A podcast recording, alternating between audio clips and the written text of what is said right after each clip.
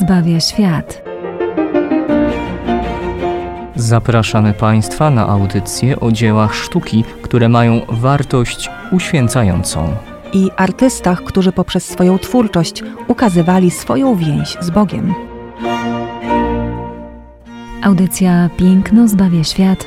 Radio Jasna Góra. Zapraszamy.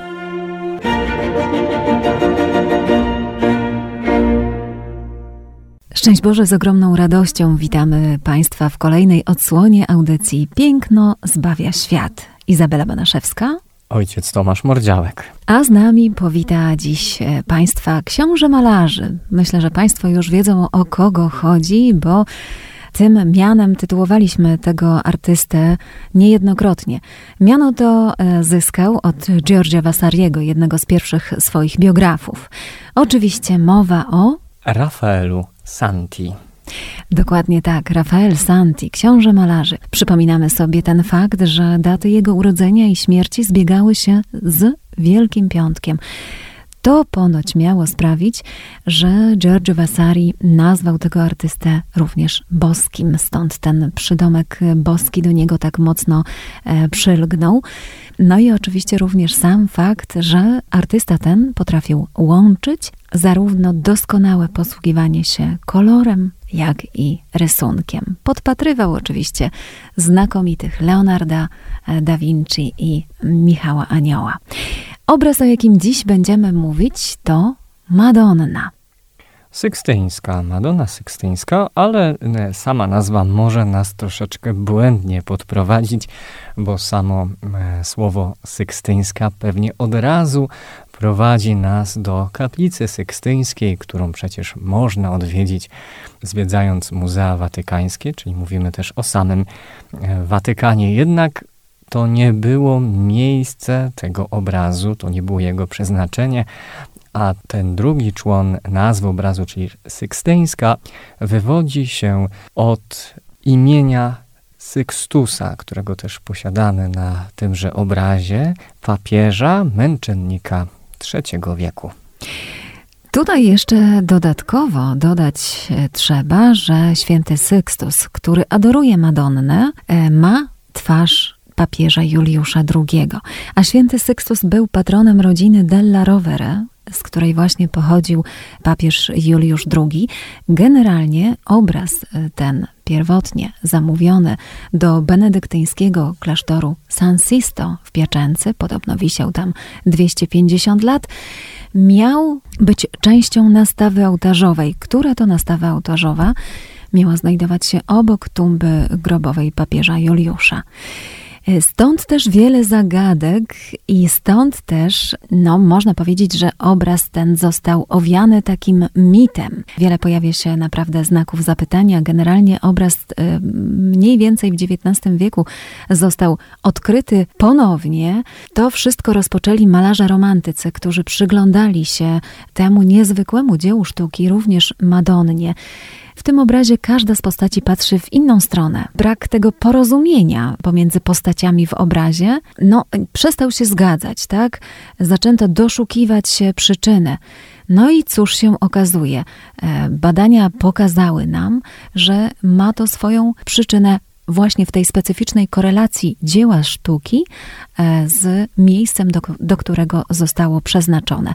Ponieważ e, obraz miał znaleźć się w nastawie ołtarzowej, e, w jakimś konkretnym bardzo pomieszczeniu i w jakiejś konkretnej również stylistyce, Wiemy o tym, że miał nawiązywać do tematyki śmierci, właśnie ze względu na, na obecność tumby grobowej papieża, również z, z uwagi na inne dzieła sztuki, które go otaczały. A wspominamy o tym dlatego, że gdybyście poszukiwali Madonny Sykstyńskiej, Rafaela Santi, to nie odnajdziecie jej w żadnym wypadku u benedyktynów, bo był ten obraz tam chyba zaledwie 250 lat, kiedy to w latach 50.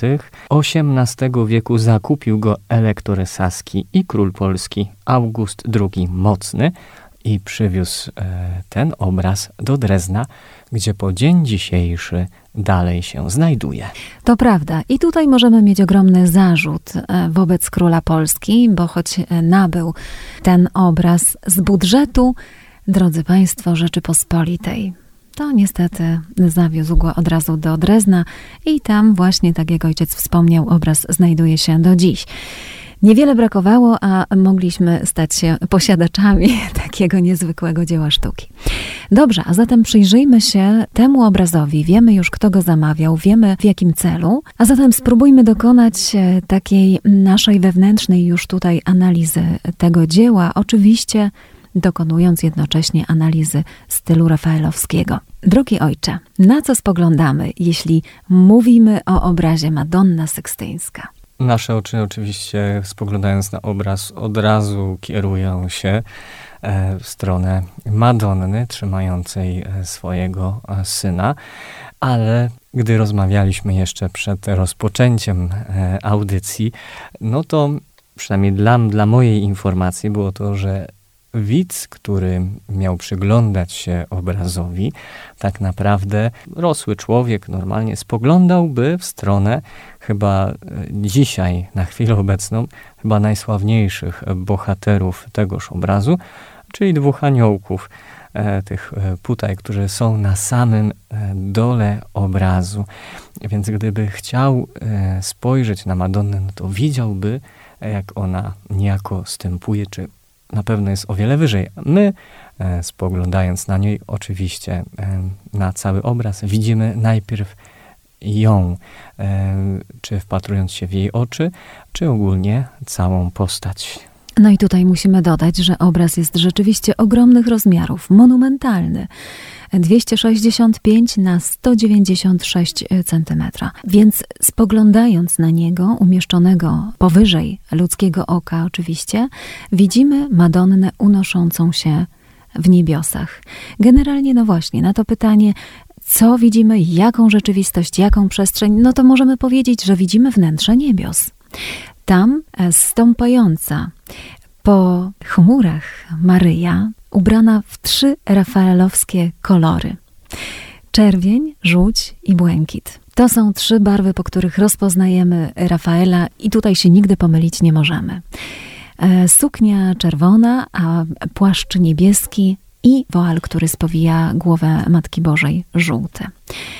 Maryja trzyma na ręku dzieciątko, przed nią przyklękają dwie postaci świętych. Jedna postać jest już e, Państwu wyjaśniona, czyli postać świętego Sykstusa, który spogląda na Maryję. Jest on e, ubrany również w e, płaszcz, kapę dokładnie, barwy złotej, z czerwoną podszewką. No i choć spogląda na Maryję, lewą rękę kładzie sobie na wysokości piersi mniej więcej, prawą ręką wskazuje Możemy powiedzieć, że na widza, ale domyślamy się, że pokazuje Maryi i Jezusowi coś innego. No my oczywiście stoimy z tej strony obrazu, ale pamiętajmy cały czas, że dzieło sztuki w renesansie, podobnie jak nasza kaplica zygmuntowska, renesansowe dzieła sztuki były projektowane jako całość. Tak samo jak Biblioteka Laurencjana Michała Anioła. Tak samo to dzieło sztuki zaplanowane było jako część większego dzieła, jak już wspominaliśmy, jeśli nastawa ołtarzowa, jeśli obecność tumby grobowej papieża Juliusza, to również i cała przestrzeń musiała być zaplanowana. No badania dowiodły, że Sykstus musiał wskazywać na krzyż. Po drugiej stronie e, naprzeciwko Sextusa ukazana jest święta Barbara. Rozpoznajemy ją po wieży, która ukryta jest za jej plecami, ledwo widoczna wieża, oczywiście nieodłączny atrybut świętej Barbary, ale tutaj ta święta mówi nam o śmierci, ponieważ jest patronką śmierci, dobrej śmierci. Ona znów z kolei spogląda w dół. No i jeszcze dodatkowo cały ten obraz dopełniają dwie postacie aniołów, które to widzimy jako popiersia, opierające się o ramę obrazu. One także sygnalizują nam tutaj, że obraz ten musiał mieć swoją kontynuację w postaci drewnianej nastawy ołtarzowej, do której był przeznaczony. Wzrok e, aniołków, już one są bardzo bliskie wyobrażeniom barokowego putta, jako że właśnie widzimy je tylko i wyłącznie w półpostaci, a jeden z nich e, ukazuje nam, no można powiedzieć, tylko i wyłącznie swoje e, ręce, bo główka ze skrzydłami wtopiona jest w założone rączki. Więc wzrok aniołków jest rozbiegany. No tutaj interpretatorzy tego dzieła sztuki doszukują się kontaktu wzrokowego ze świętą Barbarą. Nie jest to tak mocno czytelne. To też może nam sugerować, że e, szczegółów e, nastawy mogło być więcej. I tak jak już wspomnieliśmy, te postacie w obrazie nie mają z sobą jakiegoś powiązania wzrokowego. Święty Sykstus patrzy na Matkę Bożą, Barbara spogląda w dół, aniołki spoglądają w górę, a Matka Boża i Dzieciątko Jezus spoglądają na nas. Jego gest wskazujący jest dla nas ważnym znakiem informującym nas o tym, co dzieje się ze wzrokiem i wyrazem twarzy Madonny, jak i samego dzieciątka. Analizą wyrazów tych twarzy zajmowali się też najwybitniejsi historycy sztuki, ale także poeci czy filozofowie. Na przykład e, Schopenhauer, gdy spoglądał na ten obraz, spoglądał na Madonnę i małego Jezusa, mówił, że o pełnym przerażenia dzieciątku Jezus. Hebel natomiast pisał, że dziecko wygląda na oszalałe, ma zaciśnięte zęby, płonący wzrok. E, dlaczego? No, jak wspomnieliśmy, e, święty Sykstus wskazuje dłonią na krzyż.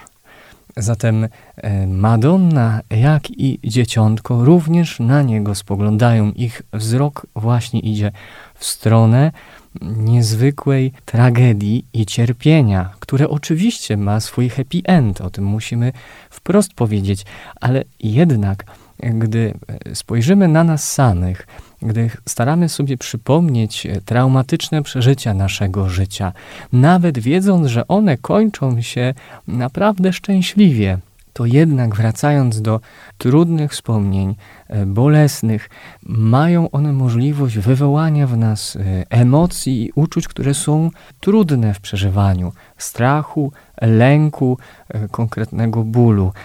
Dlatego tu możemy powiedzieć, że jak i Jezus, mały Jezus, podobnie jak i jego matka, mimo że są e, już są w scenerii niebios, czyli konkretnej glorii, chwały, to jednak spoglądając na krzyż, widzą czy przypominają sobie ten konkretny trud.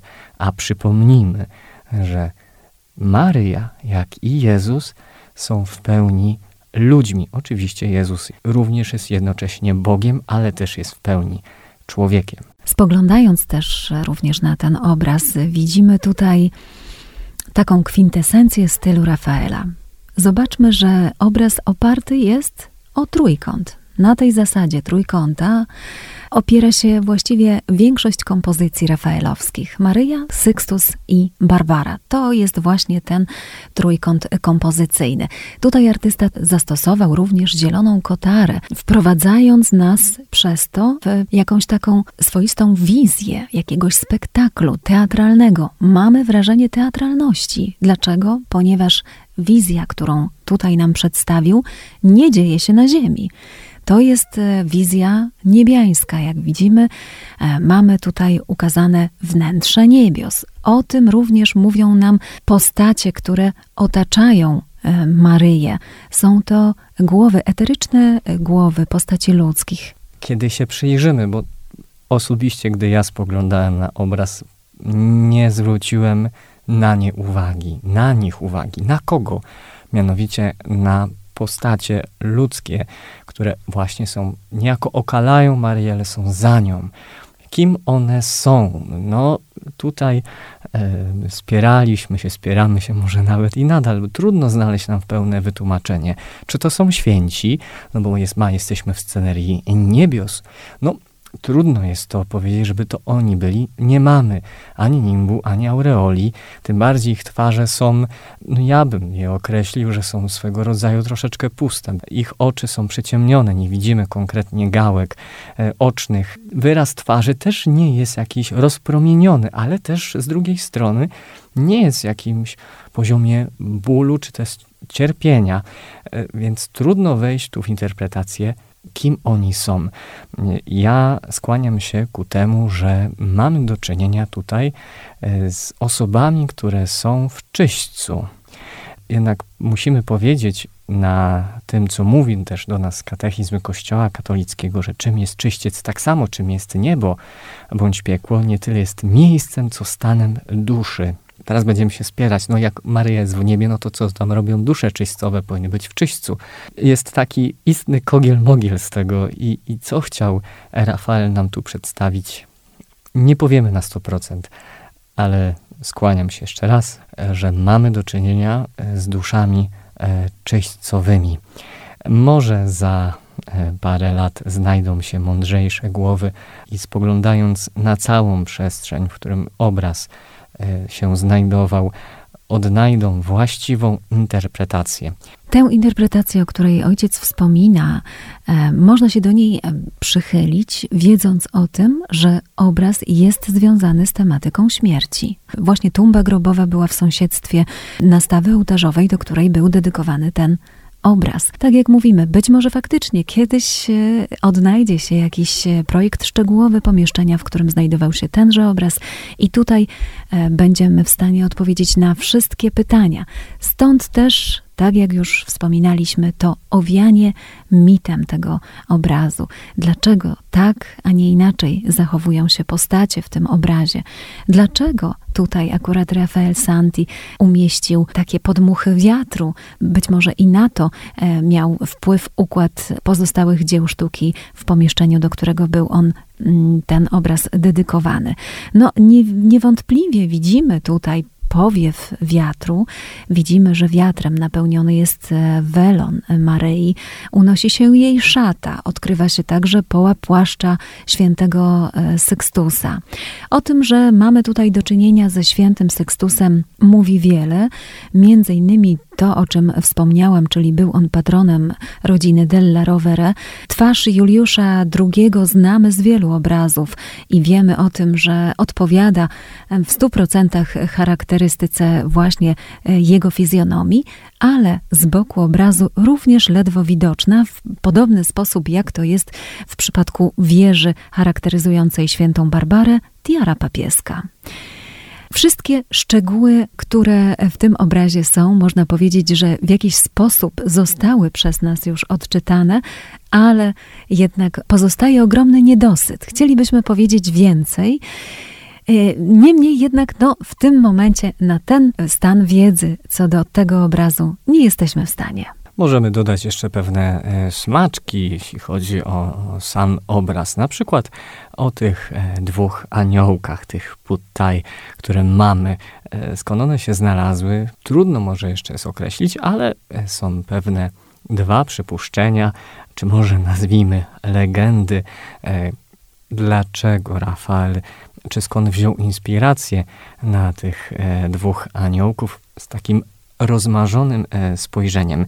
Otóż według artykułu z 1912 roku Fra Magazine, e, kiedy Rafael malował e, Madonnę, dzieci jego modelki przychodziły oglądać w tych pozach, które one tam siedziały w pracowni, postanowił namalować. Ale też mamy z innego magazynu taką interpretację, że dwojga dzieci E, które Rafael spotkał na ulicy, zobaczył je, jak tęsknie patrzą w okno piekarni i postanowił właśnie z tej ich pozy, z tego rozmarzonego wzroku pewnie na chrupkiego pieczywa e, zainspirować się i e, właśnie ich umieścić e, w obrazie. A kto mógł e, być, e, bo wspomniałem wcześniej, tą modelką która dała twarz Madonny, pani redaktor.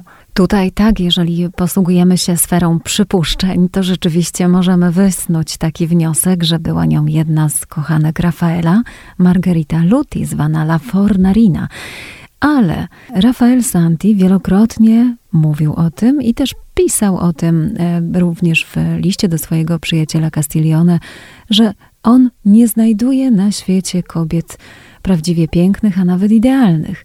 Stąd też, ponieważ był autorem ponad 200 Madon, ten 37-letni mężczyzna, bo właśnie w 37 roku życia e, zmarł po ataku febry, namalował w ciągu swojego życia ponad 200 Madon i mówił o tym wprost, że posługiwał się pięknem idealnym.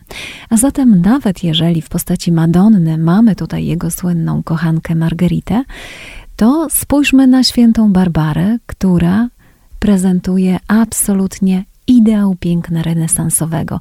Bardzo nam e, przypomina malowane przez e, Sandra Botticellego modelki.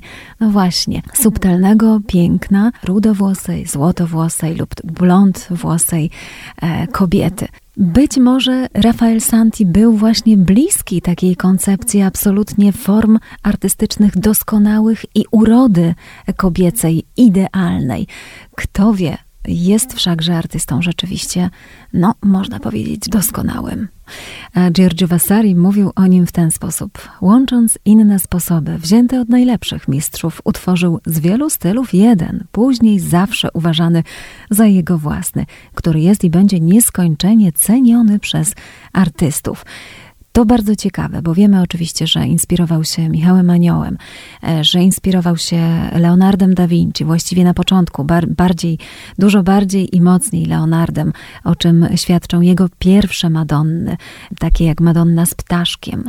Również ta kompozycja oparta o trójkąt, to także zapożyczone mocno od e, Leonarda da Vinci. Więc potrafił w taki e, bardzo sprytny sposób połączyć wyczucie barwy Leonarda i rysunek Michała Anioła, ale choć podziwiał ich wprost e, tak bardzo oficjalnie i mówił o tym, że są to niezwykli artyści, to z samym Michałem Aniołem rywalizował. No i 20 lat po jego śmierci Michał Anioł wspominał nieco zgryźliwie w jednym ze swoich listów do swojego kolegi. Co bowiem wiedział o sztuce, wiedział dzięki mnie. Więc jak widzimy, takie przekomarzanie się pomiędzy artystami, o którym niejednokrotnie mówiliśmy w audycjach Piękno zbawia świat, miało miejsce i tym razem. I tym wybrańcem Boga, bo tak Rafaela myślę, że możemy określić. Zresztą e, też może taki tytuł mu przypisywali, bo jednak to był tytan pracy, wiele zrobił i warto e, do jego biografii zajrzeć, by zobaczyć, jak wiele pożytku przyniósł e, samemu Rzymowi, ale jednocześnie całej e, sztuce tamtejszej epoki.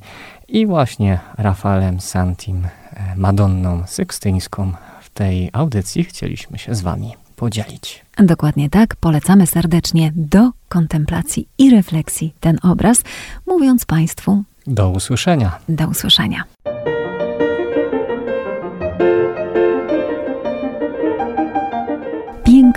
Zbawia świat. Zapraszamy Państwa na audycje o dziełach sztuki, które mają wartość uświęcającą. I artystach, którzy poprzez swoją twórczość ukazywali swoją więź z Bogiem. Audycja Piękno zbawia świat Radio Jasna Góra. Zapraszamy.